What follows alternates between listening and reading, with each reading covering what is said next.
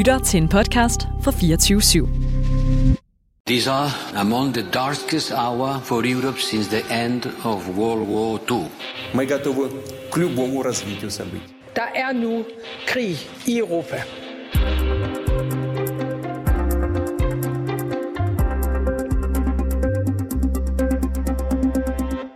Ægte global redsel vil begynde til sommer. Global hungersnød er uundgåelig. I juni vil der ikke være nogen økonomi tilbage i Rusland.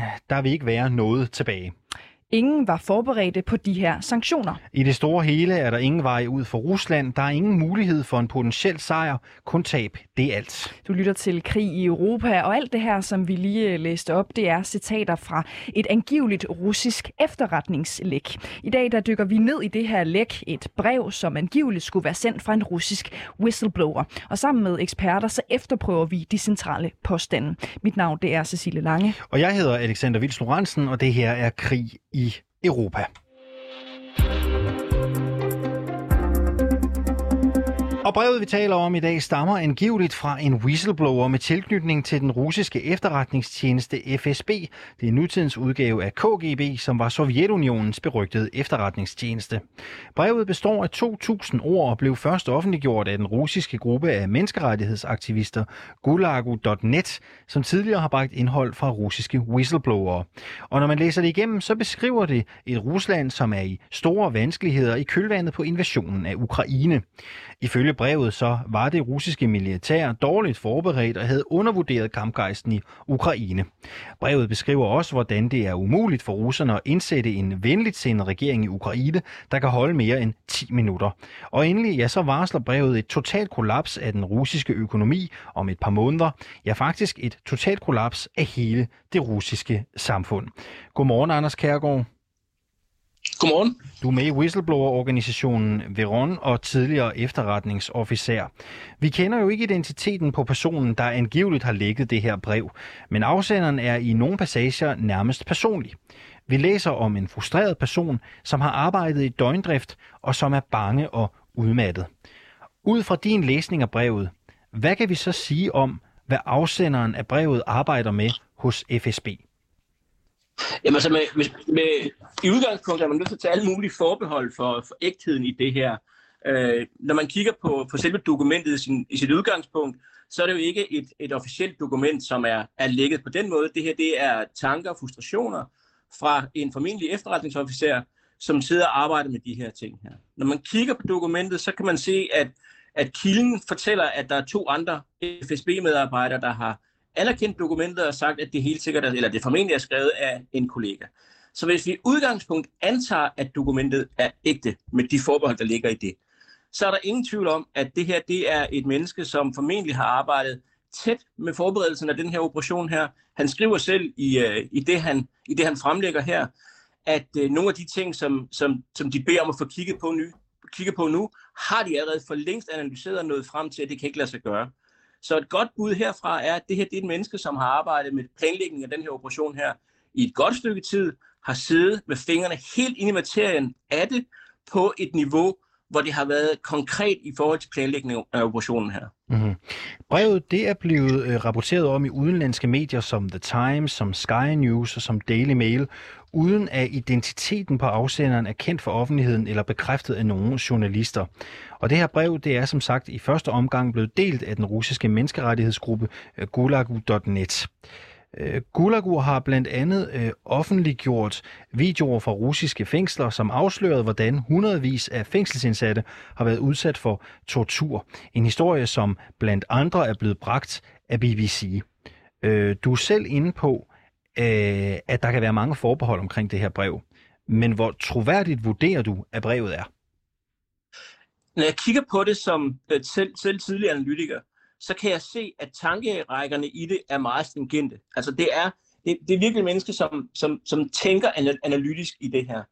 Øh, der er en, kan man sige, en, øh, der er ikke så mange detaljer, altså sådan helt konkrete små detaljer. Det kan betyde to ting. Enten at han springer alle mellemregningerne over, fordi de giver ligesom sig selv og, og springer direkte til konklusionerne, hvilket er det, jeg læser i det, eller også, at, øh, at det er en, sådan en mere generel analyse. Når jeg går ned, slår ned i teksterne, så kan jeg jo se, at, at nogle af de ting, der ligesom bliver efterspurgt, det er, at jamen, hvad er de målbare parametre for succes? Det kan vi jo ikke måle på det her. Øh, vi har allerede analyseret øh, de ting, som de beder os om at sige her. Der er en oprigtig indineret faglig stolthed over, at de ting, de bliver bedt om at lave, ikke bliver lavet på, øh, på den rigtige måde. Så for mig, når jeg læser det her, så føles det rigtigt. Altså, der er ikke noget i det her, der ligesom stikker ud, hvor jeg tænker, ja okay, det holder vist ikke rigtigt. Tværtimod så er der rigtig meget af det her, der peger for mig på, at her er der faktisk mennesker, der ved, hvad han taler om, og som er mega frustreret over, at han sidder i den her situation, med den faglighed, han har. Noget af det, som han jo starter med at sige, det er, at han er vred over, at, øh, at Putin eller den russiske ledelse til synlande bebrejder FSB, at de ikke har lavet et ordentligt grundlag, at, at det lige pludselig er deres skyld, at de er havnet i den her situation her. Og den her faglige stolthed her, det, eller den, den sårighed, der ligger i, i den faglighed her, gennemsyrer jo hele dokumentet og, og, og er jo kan man sige, det, der bærer energien frem og gør, at det faktisk, i hvert fald for mig, virker enormt troværdigt. Er det farligt for vedkommende, at det her brev er blevet lækket og bliver dækket i pressen? Ja, det tænker jeg. Altså, hvis vi kigger på, øh, på hvordan vi bare her i Danmark agerer i forhold til, til læk fra efterretningstjenesterne, og når vi så samtidig kigger på uh, Putins uh, track record med Litvinenko og Berezovski og Skripal, som er nogle af de her gutter, som tidligere har været FSB-folk, og som så lige pludselig uh, får det virkelig, virkelig dårligt, når de, er, når de er i udlandet, og så efterfølgende selvfølgelig afgår ved døden, uh, så er det absolut uh, farligt. Og hvis vi kigger på sådan Putins forhistorie, så har han en tendens til, at han ikke er særlig god til at håndtere kritik, når det kommer, når det kommer indefra. Så jeg tænker, at, øh, at, at den her øh, frustrerede efterretningsofficer er, er pænt, øh, har pænt meget fokus hos, øh, hos den russiske ledelse i øjeblikket. Ja. Øh, så det er noget, man kan dø af? Det er det, du siger? Ja, det tænker jeg absolut. Øh, vi skal jo bruge hele den her udsendelse på at efterprøve nogle af de mest bemærkelsesværdige nedslagspunkter i det her angivelige læk. Øh, hvordan synes du, at EU, NATO og USA skal behandle det her læk? Skal de tage det med i deres efterretninger, eller skal man lade det være? Jeg tænker, at øh, der, når man arbejder med efterretninger, så kigger man jo typisk på, om der er flere kilder, der bekræfter det samme. Og hvis der ligesom er, er flere uafhængige af hinanden kilder, der ligesom siger det samme, så er det en meget god indikator af, at det kunne, godt, det kunne der godt være noget om her. Når vi kigger på det, der er blevet sagt i det her dokument her, så kan vi se, at de ting, han faktisk påpeger, logistiske problemer, øh, besværligheder med at besætte ukrainerne, øh, begrænsede styrker til rådighed, øh, så er det faktisk det, som han skriver i dokumentet, det er så også det, vi rent faktisk ser på slagmarken. Så, så jeg tænker, at jeg vil i hvert fald have det, jeg vil have det med i mine overvejelser som en, et stykke papir øverst på tavlen, vil sige, passer det nu også med det? Øh, og hver gang der ligesom er en, en, en i, i, i boksen, der ligesom bliver tjekket af, vil det jo give uh, troværdighed, yderligere troværdighed til dokumentet. Jeg vil ikke basere min efterretningsvirke på dokumentet. Det, der er kilden simpelthen for, uh, for ukendt, men jeg vil absolut have det i baghovedet hver gang, der sker noget, for at se, om det så giver mening. Godt, Anders Kærgaard, øh, du er som sagt med i øh, whistleblower-organisationen øh, Veron. Inden vi slipper dig, kunne der ikke være nogen, der kunne have interesse i falsk og fabrikere sådan et brev? Jo, absolut. Og lige præcis FSB er jo kendt for at gøre det, og har gjort det mange gange før. så, så jo, det, og det er også derfor, at man er nødt til at tage alle mulige forbehold for lige præcis det her dokument. Det, der gør det interessant, eller det der, noget af det, der gør det virkelig interessant, det er jo, at de ting, som der bliver sagt i dokumentet, sådan, altså, mens de siver ud af tænderne på ham i, i, i sådan noget pseudoraseri, øh, det er faktisk det, vi også ser på slagmarken. Mm. Så, så, så ja, det kan, det kan være begge venner, kan gå begge veje. For mig ligger det til den gode side, øh, og så må vi så se, hvordan tingene udvikler sig. Hvad skulle FSB have af interesser øh, i at lægge et, øh, et brev, som ser sådan her ud? Ja, man kan sige, det, det er ikke det er som sådan ikke, ikke et læk af et brev. Det her det er jo en, en, en analyse af situationen. Og den analyse af situationen kan jo, hvis den bliver taget for gode varer, øh, kan jo være med til at bestyrke NATO i, eller alle mulige andre i, at, at russerne faktisk står svagt på slagmarken, de har ikke logistik, de kan ikke føre det frem, de er ved at miste momentum, de har ikke tillid til, at det, at det kan gennemføres, moralen i den russiske her er dårlig, hvor det modsatte kunne være tilfældet. Men det er jo ikke det, vi ser. Altså det, vi ser, er faktisk det, der står i dokumentet, er rent faktisk det, det, der, det, det vi også oplever på slagmarken. Du siger... Så ja, der, der kunne være noget ønske om noget vildledning, men det virker ikke sådan. Kærgaard, du siger, at uh, der uh, er tale om en troværdig kilde, når man kigger i brevets indhold. Øh, hvis du skal nævne et eksempel på øh, det mest troværdige, der står i det brev, hvad er det så?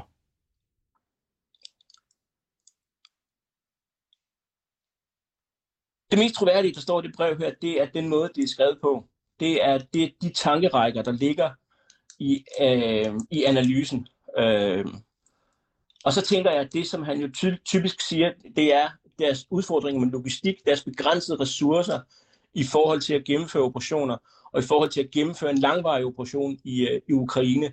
Og det er også det, vi til synligheden ser på slagmarken i øjeblikket. De har problemer med at få deres øh, enheder genforsynet. De har problemer med at få at have det materiel, der skal bruges. Jeg læste lige en analyse i dag øh, om, at øh, det amerikanske forsvar mener, at nu har man committed øh, i hvert fald næsten 100 procent af, af de styrker, der var opmarcheret, opmarcheret til, øh, til Ukraine, og det svarer til cirka 55 procent af de tilrådværende russiske øh, jordstyrker.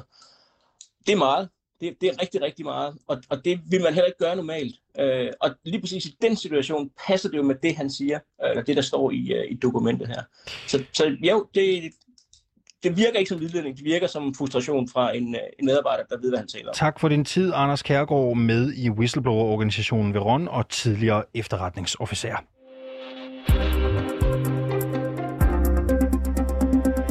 Du lytter til Krig i Europa, og vi skal i løbet af de næste 40 minutters tid dykke ned i en række påstande fra det her brev, som angiveligt er fra en russisk efterretningsagent. Og øh, med en række eksperter, så skal vi efterprøve de her forskellige påstande.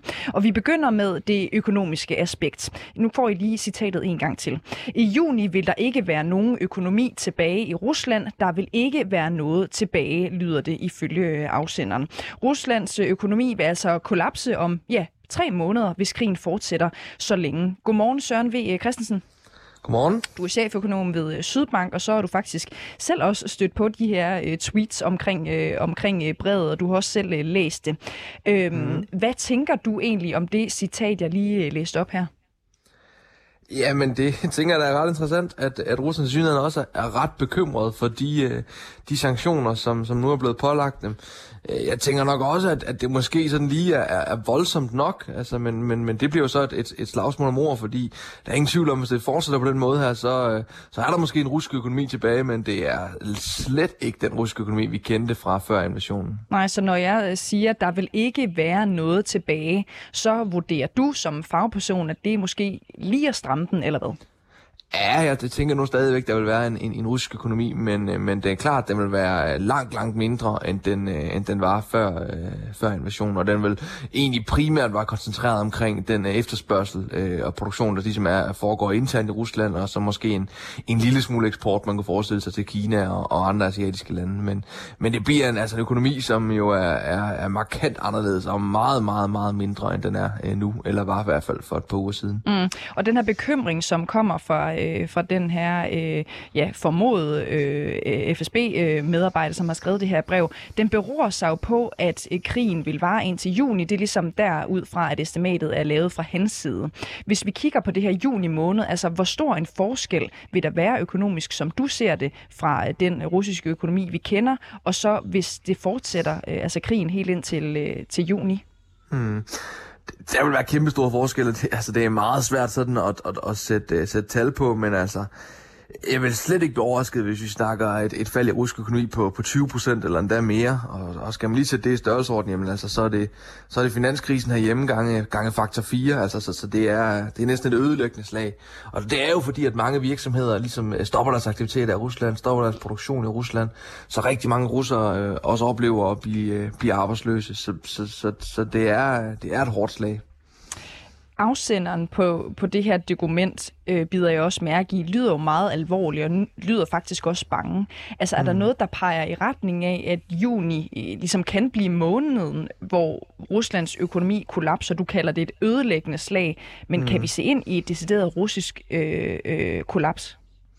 Ja, det kan vi godt. Altså, jeg synes næsten, man kan diskutere, om, om, om vi ser det nu også, hvor, altså, hvor, hvor rublen er svækket så meget, og vi har set russerne stå i lange køer foran bankerne og, og sådan noget. Så, så, så det, det synes jeg nu sagtens, vi kan, og jeg tror egentlig også godt, det kan komme før øh, før juni, fordi at, øh, at, øh, at, at virksomheder nu begynder at gå konkurs, eller simpelthen forsvinde fra Rusland af, og, og så begynder man at lave noget skade på økonomien, som man ikke bare sådan lige kan, øh, kan genskabe igen på, på relativt kort tid. Øh, så så det, øh, det, det, det synes jeg godt, man kan. Og, og man kunne jo tage ligesom deres aktiemarked, altså det er jo normalt sådan en parameter på, hvordan, hvordan har virksomhederne i landet det. Og, og, og der kan man jo hæfte ved, at de, de har simpelthen slet ikke åbnet aktiemarkedet. Det, det, øh, det har de ikke rigtig lyst til at handle med. Og inden de lukkede det, der, der var det faldet 40 procent.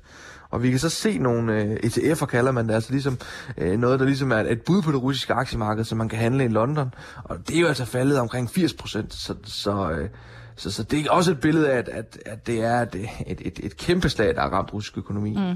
Kan du ikke lige prøve at forklare os øh, dødelige, hvordan sådan et øh, økonomisk kollaps det egentlig ser ud? Det, det kan se ud på, på flere former, så det, det kommer lidt an på, øh, øh, hvad skal man sige, hvad, hvad det er, der rammer landet. Men, men i det her, den her situation, øh, så kan det jo se sådan ud, at bankerne simpelthen øh, stopper med at fungere. Øh, at der ikke er penge i bankerne, det vil sige, at øh, man måske ikke kan få sin opsparing ud, og man kan sikkert heller ikke øh, låne penge i bankerne. Øh, så ser vi, at virksomhederne går konkurs, så, så arbejdspladserne forsvinder ligesom. Og, øh, og, og, og den sådan økonomi, der så er tilbage, den er så ramt af, af ekstrem høj inflation, og, og sandsynligvis også knaphed på, på rigtig mange varer. Altså mange af de ting, de normalt importerer, som de nu har svært ved at få, øh, og hvad derfor får i, i meget mindre mængder, hvis, hvis de overhovedet får dem. Så, så, så det er sådan noget af det, man ligesom kan, kunne tegne op og sige, at, at det er den virkelighed, der kan møde den, den almindelige russer. Og det, det er jo ikke en, en, en særlig spændende øh, virkelighed. Nej, det er ikke en sand, særlig spændende virkelighed, og måske er det et dumt spørgsmål, men kan sådan et land overhovedet fungere? Altså prøv at beskrive for os, hvilke udfordringer ganske almindelige øh, russere vil stå med i, mm. i en verden, hvor de ikke kan hæve øh, deres egne penge, og hvor der ikke er penge øh, i banken. Mm. Jamen det er jo simpelthen øh, altså, at købe, købe mad, øh, kan du sige. Altså, og, øh, og, og i det hele taget få, få hverdagen til at fungere. Altså det er sådan nogle helt, helt basale ting, som man sådan i, i, i den i, yderste ende kan, kan komme ud i. Øh, altså det er klart, at der, der foregår stadigvæk en masse i Rusland, altså med, med rublerne, som, som, som de stadigvæk ligesom kan bruge internt, og, og, og, og den del af økonomien fungerer jo stadigvæk, men, men ja, så er det sådan nogle helt basale ting med, med mad og, og fødevarer i det hele taget, man kommer ud i, hvis, hvis det heller ikke fungerer. Godt. Øhm, hvordan valgte det her ramme os i Danmark? Altså hvis vi bare mhm. sådan prøver at tænke tankeeksperimentet ud, hvis vi ser frem mod juni for eksempel. Ja. Ja, men så vil det jo ramme os på den måde, vi allerede ser nu, at, øh, at priserne de stiger. Og det er der, hvor vi sådan nemt kan se det, der, når vi, når vi tanker bilen og elregning og sådan noget. Det, det er blevet noget dyrere. Øh, I de kommende uger og måneder, så vil vi nok også komme til at se, at fødevarepriserne stiger øh, ret markant. Øh, og det bliver sådan set bare værre i, i takt med, at den her situation ligesom står på. Øh, Øh, det er sådan den første påvirkning af økonomien, kan man ligesom sige, fordi det er de øh, varer og produkter, vi sådan får fra russerne af, øh, ukrainerne i det, for den sags skyld også. Øh, når vi så kigger lidt længere frem, jamen, så er spørgsmålet for det første, den her meget høje inflation, altså hvordan kommer den til at sprede sig i økonomien, og, og hvor ondt kommer den til at gøre på økonomien. Og for det andet, altså kommer der til at brede sig sådan en usikkerhed hos forbrugere og virksomheder, hvor man lige vælger at, at, øh, at være lidt ekstra forsigtig og, og spare lidt ekstra, øh, jamen så får vi ligesom lagt kimen til det, der sådan er en normal øh, økonomisk øh, nedtur.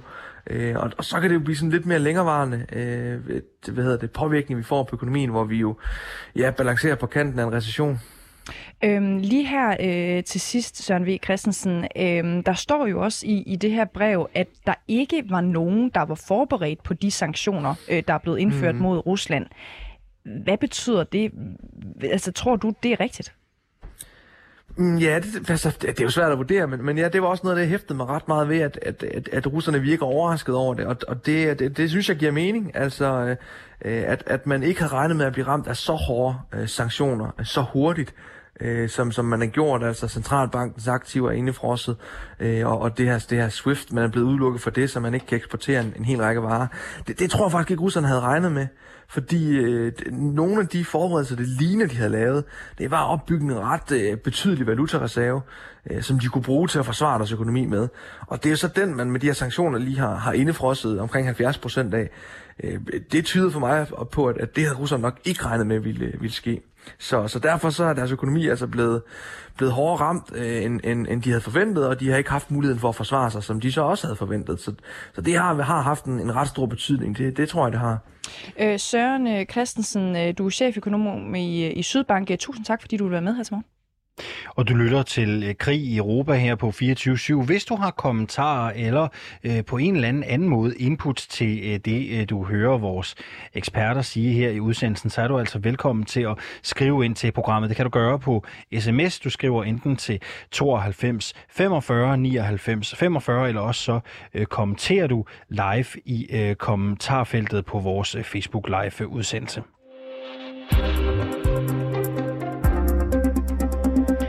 En ægte global redsel vil begynde til sommeren. Global hungersnød er uundgåelig, som lyder den næste påstand i brevet, som vi nu skal dykke ned i. Og det skal vi sammen med dig, Palle Jacobsen. Godmorgen. Godmorgen. Du er direktør og markedsanalytiker hos Agrocom. Det lyder virkelig voldsomt, det vi hører her. Global redsel, global hungersnød. Lad os lige sætte nogle flere ord på, for lige at sætte det i kontekst og forstå, hvad det er, der bliver refereret til her. Øh, I brevet der står der også, Rusland og Ukraine er de vigtigste leverandører af korn i verden, og dette års høst vil være mindre, og logistiske problemer vil bringe katastrofen til et højdepunkt. Palle Jacobsen, allerførst, står vi over for global hungersnød, som der står i det her brev? Ja, altså det, øh, det gør vi. Øh, det uhyggelige ved det her brev, det er jo, i forvejen havde vi jo øh, stigende fødevarepriser. Fødevarepriserne er gået i vejret med 25 procent det sidste års tid, viser det seneste øh, indeks øh, fra FAO, og vi har set en øh, fordobling af kornpriserne inden for de sidste to år. Og når man så ser sådan et brev, som det I øh, lægger frem her, øh, jamen så kan man jo øh, have frygt, at Putin ligefrem har spekuleret i at skabe destabilitet i verden. Og hvis det er øh, hans hensigt, ja, så må man sige, så har han timet sit angreb øh, på Ukraine perfekt. Øh, øh, Palle Jacobsen, du siger, at det ikke er utænkeligt med den globale hungersnød. Prøv Nej, lige at beskrive, hvad global hungersnød betyder. Ja, men altså, øh, det betyder jo, at øh, øh, især den fattigste del af verden, og det er jo trods alt øh, langt den største del, øh, vi er vel cirka en milliard, som sidder i den rige del af verden, og så har vi en milliard, som er ekstremt fattige, og derimellem har vi en stor øh, gruppe, øh, som består af udviklings- udviklingslande på forskellige niveauer. Og når vi tager til den kategori, der hedder udviklingslande, jamen der er en lang række af de lande, som er dybt afhængige af en stor øh, kornimport fra blandt andet øh, Rusland og Ukraine, men også fra øh, andre lande. Og øh, i og med, at øh, eksporten ud af øh, Ukraine og til dels også Rusland lukker ned, øh, jamen så må vi jo frygte, at de øh, udviklingslande får meget, meget svært ved at, at, at skaffe øh, fødevarene.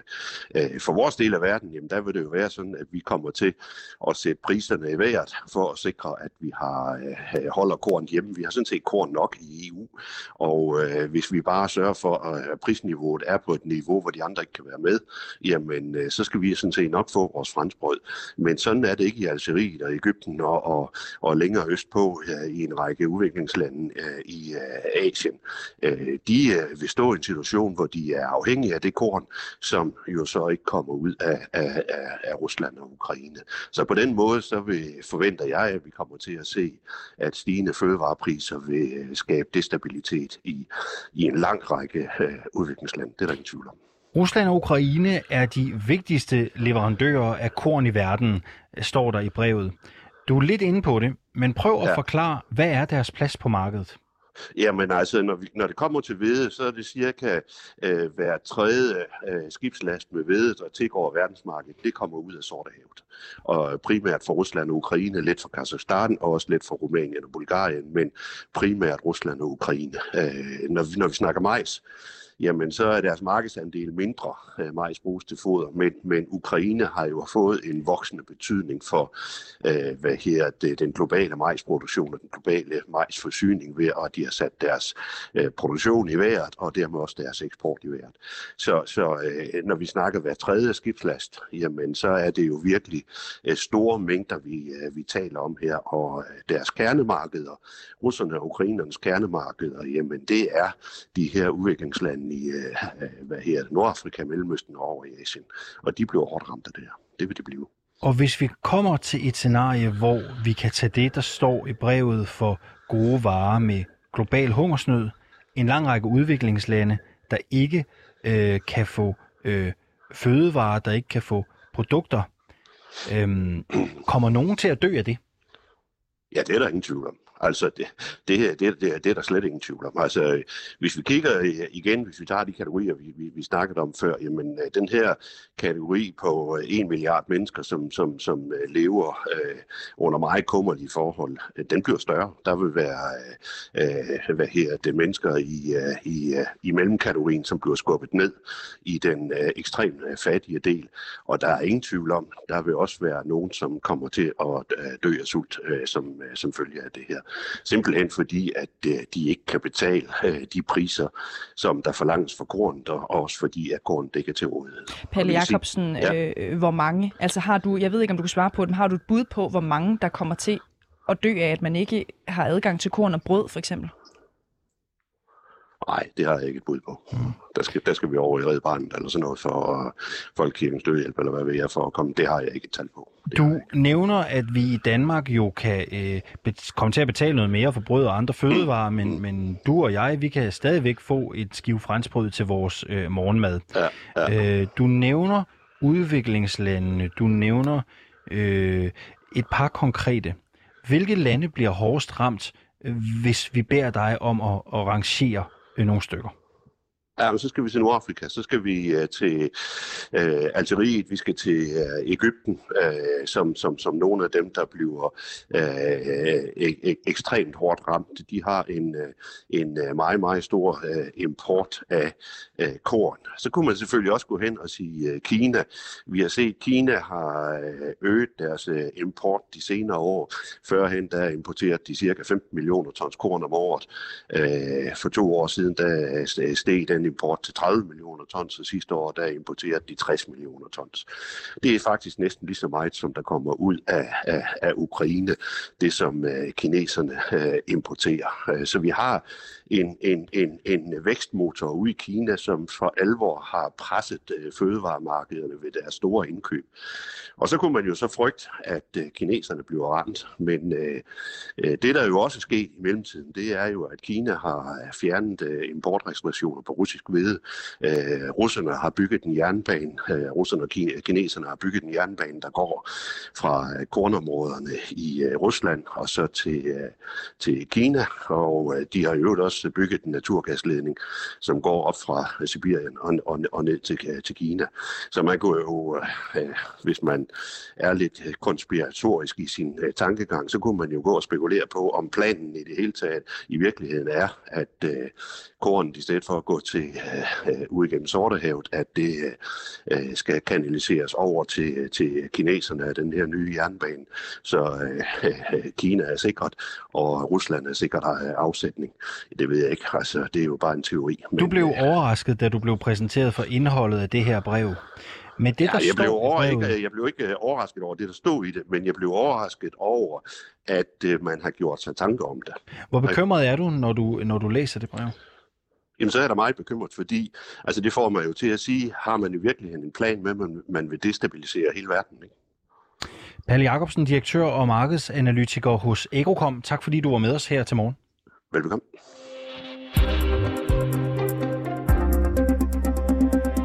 I øh, krig i Europa, der dykker vi i dag ned i et angiveligt russisk efterretningslæk. Et brev, der skulle være skrevet af en russisk whistleblower med tilknytning til den russiske efterretningstjeneste FSB. Og i det her brev, der er der meget stort fokus på selve den militære operation, og kritikken, den er Ja, den er til at tage at føle på. Ifølge brevet, så var det russiske militær dårligt forberedt og øh, havde undervurderet kampgejsten i Ukraine. Lad os prøve at dykke mere ned i det nu. Godmorgen, øh, Claus Mathisen. Ja, godmorgen. Du er lektor i russisk sprog, kultur og militære relationer ved Forsvarsakademiet. Claus Mathisen, i det her brev, der står der blandt andet, at Rusland gik ind i Ukraine, øh, og jeg citerer, som skulle vi løbe et 100 meter løb, men endte i en cross-country øh, marathon. Er det også sådan, du oplever øh, den russiske militære indsats? Ja, det må man sige. Altså, der er jo mange ting, der tyder på, at Rusland havde forventet, at det her det kunne overstås i løbet af få dage. Øh, blandt andet måske via en meget hurtig operation imod Kiev og øh, tilbageholdelse af den ukrainske præsident og fremtvingelse af en øh, kapitulation. Øh, den kapitulation kunne jo også øh, ske som følge af øh, store tab på kamppladsen, som øh, ville blive forvoldt af voldsom russisk våbeneffekt. Men ingen af delene har vi rigtig set. Vi har desværre set, om man så må sige, krigen på landjorden i mange, mange steder være fastfrosset. Og så som følge af det til gengæld et stigende engagement af russiske bombninger mod byer. Var de russiske tropper for dårligt forberedte på den her opgave? Det kan man gisne om. Der kan jo også være op, mere objektive grunde, at eksempelvis øh, det, at man stod så lang tid i kulden, det var jo her i januar og februar, man stod så lang tid opmarcheret, mens man lod som om, vil jeg næsten våge at påstå, at man forhandlede og førte forhandlinger med vestlige ledere, der blev ved med at komme til Moskva, Macron, Stolz, øh, andre, der, der tog frem og tilbage i håb om at kunne løse det her af diplomatisk vej. Øh, der blev, der blev de stående. Den øvelse, der skulle slutte, øh, som jeg husker det, den 20. februar, den blev jo forlænget på ubestemt tid, og det vil sige, der lå soldaterne formentlig ude i mere eller mindre åbent terræn og blev lidt nedslidt af kulde, og der var også historier om plyndringer af belarusiske butikker. Der var måske heller ikke så meget forsyning og forplejning, som man kunne ønske sig. Så det er rigtigt nok, jeg tror, at især langs nord, der har det været mindre øh, vellykket, blandt andet på grund af den lange ventetid, end man havde regnet med. Mm. Hvis vi bare lige øh, vender tilbage til noget af det, du sagde lige før, altså øh, der handler om, hvis nu russerne havde lykkes med at øh, ja, få ram på Zelensky eller overtage de større øh, byer inden for et par dage, altså et, et 100 meter løb, øh, så at sige. Det skete jo det skete jo ikke. Er det udtryk for en øh, meget dårlig russisk planlægning, hvis man regnede med, at man rent faktisk kunne formå det på ganske få døgn? Ja, det kan man så sige, og jeg tror, at en af de ting, man tydeligvis ikke helt har øh, haft øh, styr på, det var, øh, hvor meget modstand den ukrainske her i, i virkeligheden var i stand til at yde. Man har undervurderet effekten af, at Ukraines her i otte år siden 2014 faktisk har fået kamptræning øh, i Øst-Ukraine. Man har haft enheder roteret ud og ind, som har haft en, en tid derude, og dermed lært at, at eksistere under kampbetingelser. Og så kan man måske også tilskrive noget af den træning, som øh, forskellige lande har bidraget med til det ukrainske militær, som havene, som havene haft i hvert fald en eller anden form for effekt. Selvom jeg også helt øh, entydigt vil sige, at den største faktor, det har været ukrainsk mandsmod og forsvarsvilje. Mm. Hvis vi bare lige øh, vender tilbage til det her brev, så står der jo også i det, at logistikken er overbelastet. Hvordan kan man se det? Ja, det kan man se på forskellige måder. Altså, selvfølgelig har russerne haft en eller anden plan for, hvordan deres øh, logistik, altså det, at man får ammunition og forplejning og drivmidler frem til de kæmpende enheder, hvordan det skulle foregå. Men øh, nogle steder er de her forsyningslinjer, som man kunne kalde dem, der er de blevet angrebet. Vi har set billeder af øh, for eksempel sådan nogle øh, vogne med store cisterner på til benzin og den slags ting, som er blevet skudt i brand. Og det vil sige, at i mange tilfælde så er forsyningerne ikke noget frem, og det er noget ret følsomt, fordi vi kan jo bare tænke på, hvordan vi selv har det, hvis vi springer et eller to måltider over om dagen, så bliver vi sådan lidt øh, uoplagte og måske ikke særlig effektive, hvis vi skulle kæmpe. Mm. Øhm, der blev også skrevet om de russiske tabstal. Øh, der står i brevet her, at der ikke er nogen, der ved, hvor mange dræbte øh, russiske soldater der er. Øh, nu citerer jeg lige lidt igen. Altså selv på hovedkvarteret ved de ikke med sikkerhed, altså kender ikke til tabstallet. Og faktisk så står der lige frem, at ingen ved, hvad der sker inde i Ukraine. Øh, så bliver der også stillet et spørgsmål i, i brevet eller en konstatering af det vel i virkeligheden, vi har mistet kontakten til store divisioner. Øh, jeg kunne egentlig godt tænke mig sådan dit umiddelbare øh, bud på det, Claus Mathisen. Altså, hvad tænker du om de her, øh, øh, de her linjer, vi får i brevet? Kan det virkelig passe?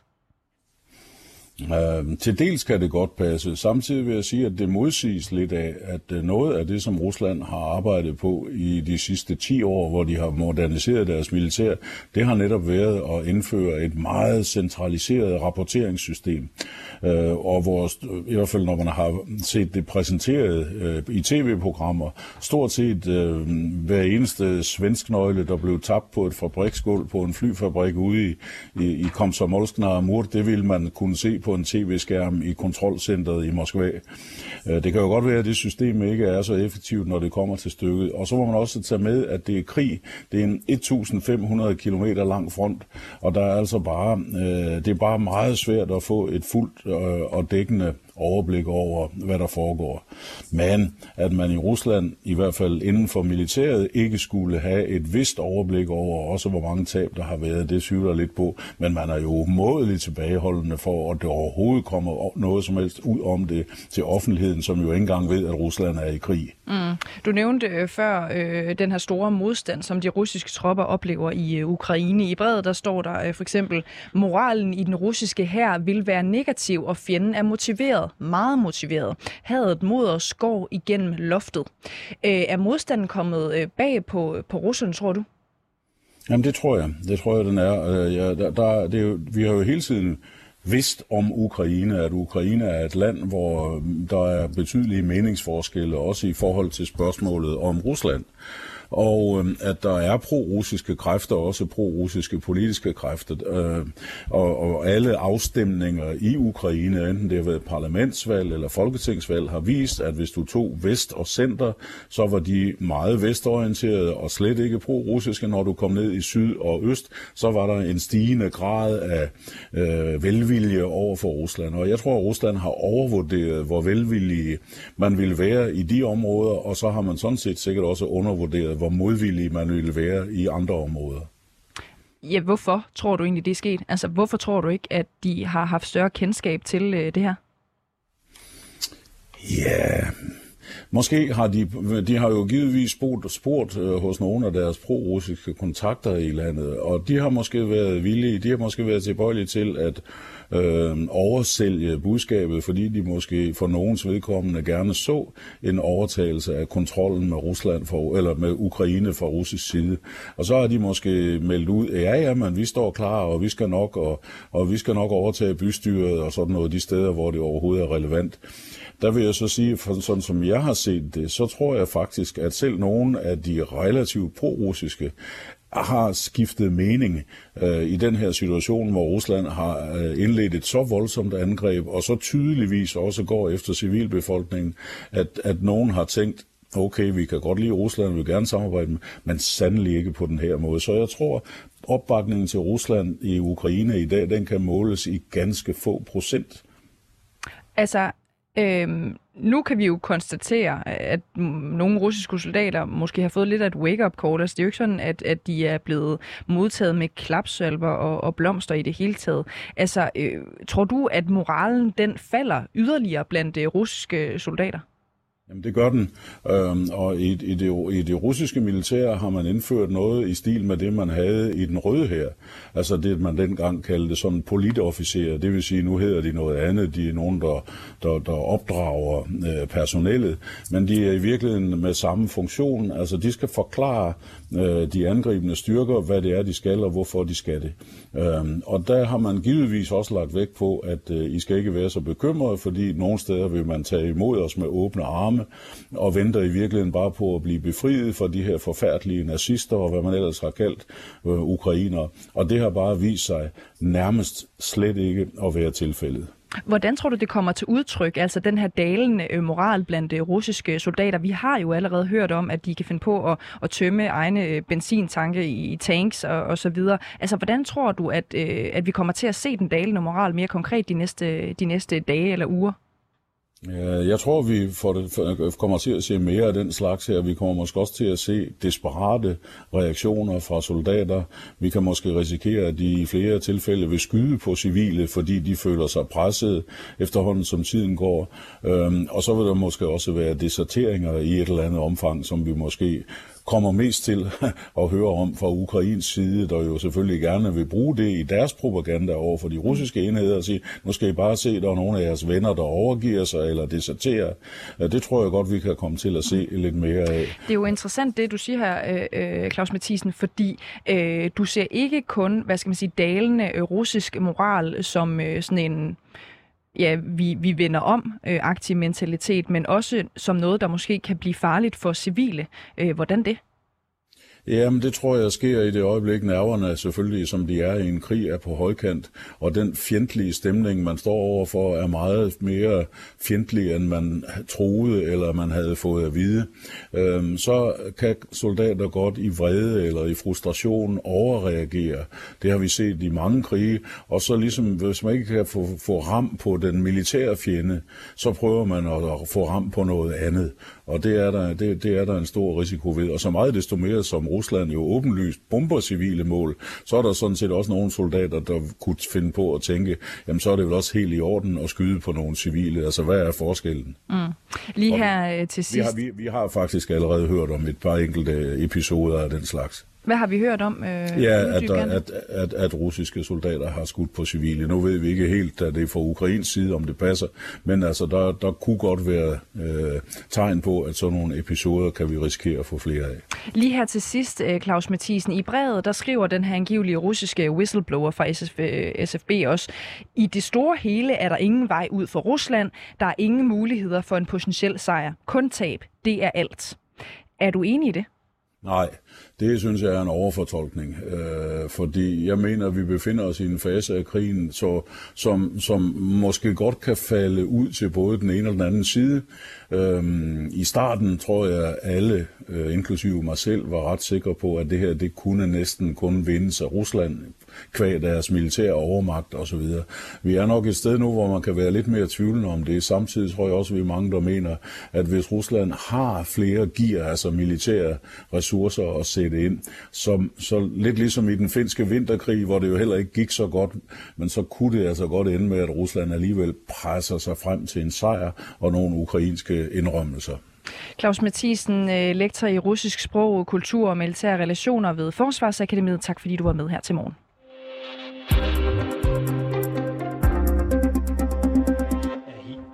Ja, hele timen der har vi gennemgået en række påstande i et brev, der angiveligt er lækket af en russisk agent i efterretningstjenesten FSB. Brevet beskriver situationen i Ukraine som utrolig vanskelig for russerne, og man kan også læse i brevet, at selv hvis det skulle lykkes for russerne at nedkæmpe den ukrainske hær, ja, så vil det være næsten umuligt for dem at indføre en Putin-venlig regering i landet. Der står blandt andet sådan her i brevet, og jeg citerer, Lad os sige, at vi fjerner Zelensky. Hvem skal så underskrive en fredsaftale? Og hvis vi underskriver en aftale med Zelensky, så er aftalen værdiløs, hvis vi fjerner ham bagefter. Simon Raklin, godmorgen. Godmorgen, godmorgen. Du er journalist, forfatter og Rusland-kender. Er du enig i den analyse, vi lige hørte?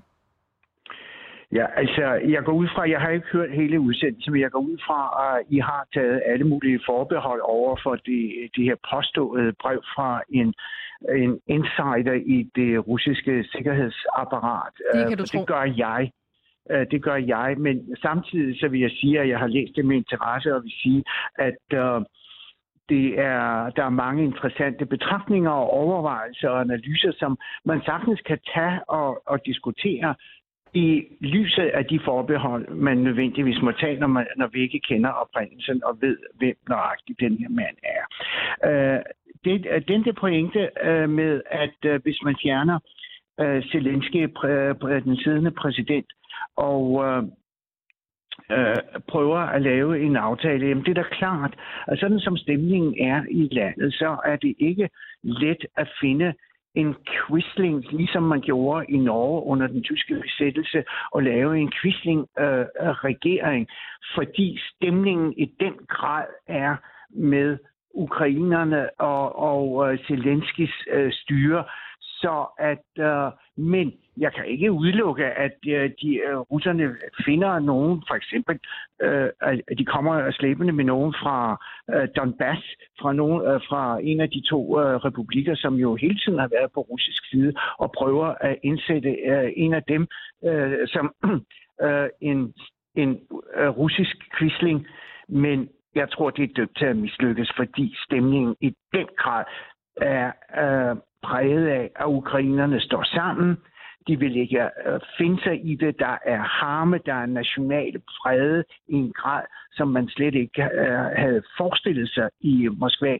Så det, der ligger i brevet, er, at, øh, og det er fuldstændig rigtigt, tror jeg, at øh, Moskva styrer Putin og hans styre har forretnet sig. Øh, et af Ruslands erklærede mål med invasionen, det er at skubbe øh, præsident Volodymyr Zelensky af pinden. Brevet nævner også en række potentielle ledelseskikkelser i Ukraine. Øh, vi er lidt inde på det her, ikke som russerne ja. kan samarbejde ja. med, men ingen af dem får særlig meget ros. En af dem bliver kaldt en kujon, fordi han er stukket af. En af dem har ikke engang opbakning hos sine egne folk mere, og en af dem stoler russerne ikke længere på. Altså, man fornemmer og, jo og næsten... Nævner også, at han nævner, han eller hun, eller hvem det nu er, mm. nævner også den tidligere præsident Yanukovych, og, og, og det er også øh, giver udtryk for, det er en håbløs idé. Altså, det, det, det vil ikke nytte noget. Han vil ikke kunne klare den opgave. Ja, og derfor så spørger man jo også, og det kan vi jo passende spørge dig om, er det helt umuligt for russerne at finde nogle samarbejdspartnere i et besejret Ukraine? Altså hvis de får total kontrol med, øh, med landet, som øh, det åbenbart er deres intention, at de vil holde hele, at de vil sætte sig på hele Ukraine, at de vil styre det med hård hånd, at de vil tage alle mulige øh, greb og midler i brug, jamen så kan de jo med vold og magt indsætte et, øh, et styre, og der er det mest sandsynlige, at de vil tage nogen derude fra øh, det mest ruslandsvenlige område, nemlig i øh, øst øh, Ukraine i Donbass-området og indsætte dem med vold og magt. Det, der, det, det skal man ikke... Hvis de får den fulde kontrol, men det er der jo ikke noget, der tyder på, og det vil tage lang tid. Det vil være blodigt, det vil være er enormt, enormt krævende, fordi det her er jo ikke en ekspedition, som den vi så for otte år siden, øh, hvor man øh, invaderede Ukraine, krænkede øh, Ukraines øh, suverænitet og gik direkte mod øh, Krim og besatte Krim og annekterede Krim, uden så godt som at løsne et skud. Det er noget helt, helt andet i dag, og det er jo øh, ikke en begrænset aktion. Det her er øh, en operation, øh, som de kalder det, en special, øh, en speciel øh, militær øh, operation, der satser på at få kontrol med et af Europas største øh, lande, og med en befolkning på 40, over 40 millioner øh, mennesker. Jeg spørger mig selv, hvad har de tænkt sig øh, hvad har de tænkt på i, i Kreml? Da de i sin tid gennemførte med Putin i spidsen, gennemførte aktionen som de også kaldte for en special øh, aktion mod Tjetjenien i begyndelsen af Putins styre, der satte de 100.000 russiske soldater ind i den operation og øh, bombede øh, Tjetjenien i stumper og stykker, så øh, hovedstaden Grosne lignede øh, Dresden efter øh, bombningerne i 2. verdenskrig. Men det var jo en begrænset... Det var, for det første var Tjetjenien jo en del af Rusland. Øh, det var ikke en selvstændig stat. Det er et meget, meget lille område i forhold til kæmpelandet Ukraine, og en meget lille befolkning på, øh, i sammenligning med de øh, 40, øh, over 40 millioner ukrainere. Men det blev blodigt, det blev langvarigt, det kostede enormt store tab på begge sider over over et sted mellem 150 og 160.000 tjetjenere og civile tjetjenere blev dræbt, og et stort antal russiske øh, soldater kom hjem i, øh, i, øh, i, i kister. Så det er usammenligneligt. Altså, jeg ved ikke, uh, uh, hvad de havde forestillet sig, at det ville ligesom blive en, uh, en, en triumfmarsch, uh, når, de, når de startede, ligesom det var for otte år siden. Så på den måde er det totalt slået fejl for dem. Raklin, Raklin, lad os prøve at blive i øh, hypoteserne og lege lidt med historieskrivningen her. For hvis man nu finder en egnet marionetleder, så holder personen nok ikke særlig længe. Øh, det står der i hvert fald i det lækkede brev. Jeg citerer lige en passage mere. Hvis ja. vi siger, at vi ikke kan besætte landet, så vil en ny regering blive væltet 10 minutter efter vi forlader landet. Rusland har jo formået at lave en lydstat i Belarus. Hvorfor kan de ikke det samme i Ukraine? Nej, det er usammenligneligt. Altså, øh, øh, mm, Belarus er jo stadigvæk øh, et, øh, et stykke øh, af arvesølvet, øh, hvis man kan kalde det det, fra sovjettiden. Det er jo, øh, Belarus under Lukashenko er et et sovjetisk museum, et, et sovjetisk lav. Det er Ukraine ikke. Ukraine har gennemgået flere revolutioner. De har en helt klar øh, øh, vision om, der er støttet af et stort øh, antal, øh, et, et stort øh, en stor del af befolkningen, nemlig at blive en del af Europa. Det har øh, Belarus aldrig øh, øh, drømt om, og Belarus er en helt anden, det er en helt anden ligning. De er i lommen på Moskva, øh, og Moskva har sat sig på den. Det er ikke tilfældet i, øh, i øh, Ukraine, så derfor øh, tror jeg, at det er en helt, helt anden formel. Øh, men det vi øh, må operere med er, at øh, Putin og hans styre er indstillet på at øh, holde gennemføre det her til det sidste. Altså lige til de når deres mål. Det vil ikke, altså Putin er jo ikke udstyret med et bakgear. En hver retræte er utænkelig for ham, fordi øh, at øh, det vil være ensbetydende med et nederlag og tegn på svaghed. Og det indgår ikke i Putins politiske DNA. Så det er udelukket. Men Samuel Raklin, spørgsmålet er så, hvordan kommer Rusland så bedst muligt ud af den her krig? Jeg tror, det bliver et hængedøn. Jeg tror, det her bliver langvarigt og, øh, og blodigt, og øh, altså, vi vil se Øh, nu er jeg jo ikke militærmand, ligesom Claus Mathisen, som øh, I havde I, øh, øh, talt med lige, øh, lige før mig. Men jeg har en formodning om, at det her vil gradvist vokse over i en modstandskamp. Det er der gode traditioner for øh, i Ukraine. Det var den måde, man bekæmpede øh, det, øh, den tyske besættelse under 2. verdenskrig, og i øvrigt også efter krigen, hvor øh, nogle af de der partisanstyrker vendte våbnet mod sovjetstyret, og i ganske øh, og i flere år kæmpede, bekæmpede sovjetstyre som partisaner. Og det vil jeg tro, at med den vilje, man har set over alt i Ukraine, hvor øh, unge og kvinder og gamle og alle mulige, men alle der våbenfører har kastet sig ud, og altså, om det så er molotov fremstilling af molotov-cocktail, eller spanske ryttere, eller hvad de nu har gjort, der er en enorm modstandsvilje, og den vil selvfølgelig komme til udtryk hvis det går på, på den måde, at det bliver en langstrakt øh, kamp, hvis øh, russerne at der ikke sker en dramatisk og bræt ændring, jamen så vil vi se, at det vil vokse over i en langvarig og blodig modstandskamp. Jeg tror ikke, Moskva får has på Ukraine lige med det første. Og det fører os til det sidste spørgsmål. Vi skal lige forbi et citat mere fra brevet. Der står nemlig, og jeg citerer, I det store hele er der ingen vej ud for Rusland. Der er ingen muligheder for en potentiel sejr, kun tab. Det er alt. Vi har cirka øh, 45 sekunder. Øh, hvad siger du til det citat? Ja, altså, øh, ingen, der er ingen, der kan sidde og, og komme med en krystalklar øh, prognose på, hvordan det vil gå. Det kan gå både den ene og den anden vej, og jeg har skitseret, øh, hvad, en, øh, hvad et scenarie øh, kunne være, nemlig at den her krig vokser over i en modstandskamp, hvor øh, ukrainerne vil slås til sidste mand og sidste blodstråber, og det er kommet bag på alle, og hatten af øh, for ukrainerne, øh, jeg vil sige, slava Ukraine, som ja. de siger, ære til Ukraine. Samuel Raklin, journalist, forfatter og ruslandskender. Øh, tak fordi øh, du havde lyst til at være med, og i den grad gøre os klogere her øh, til morgen. Selv tak.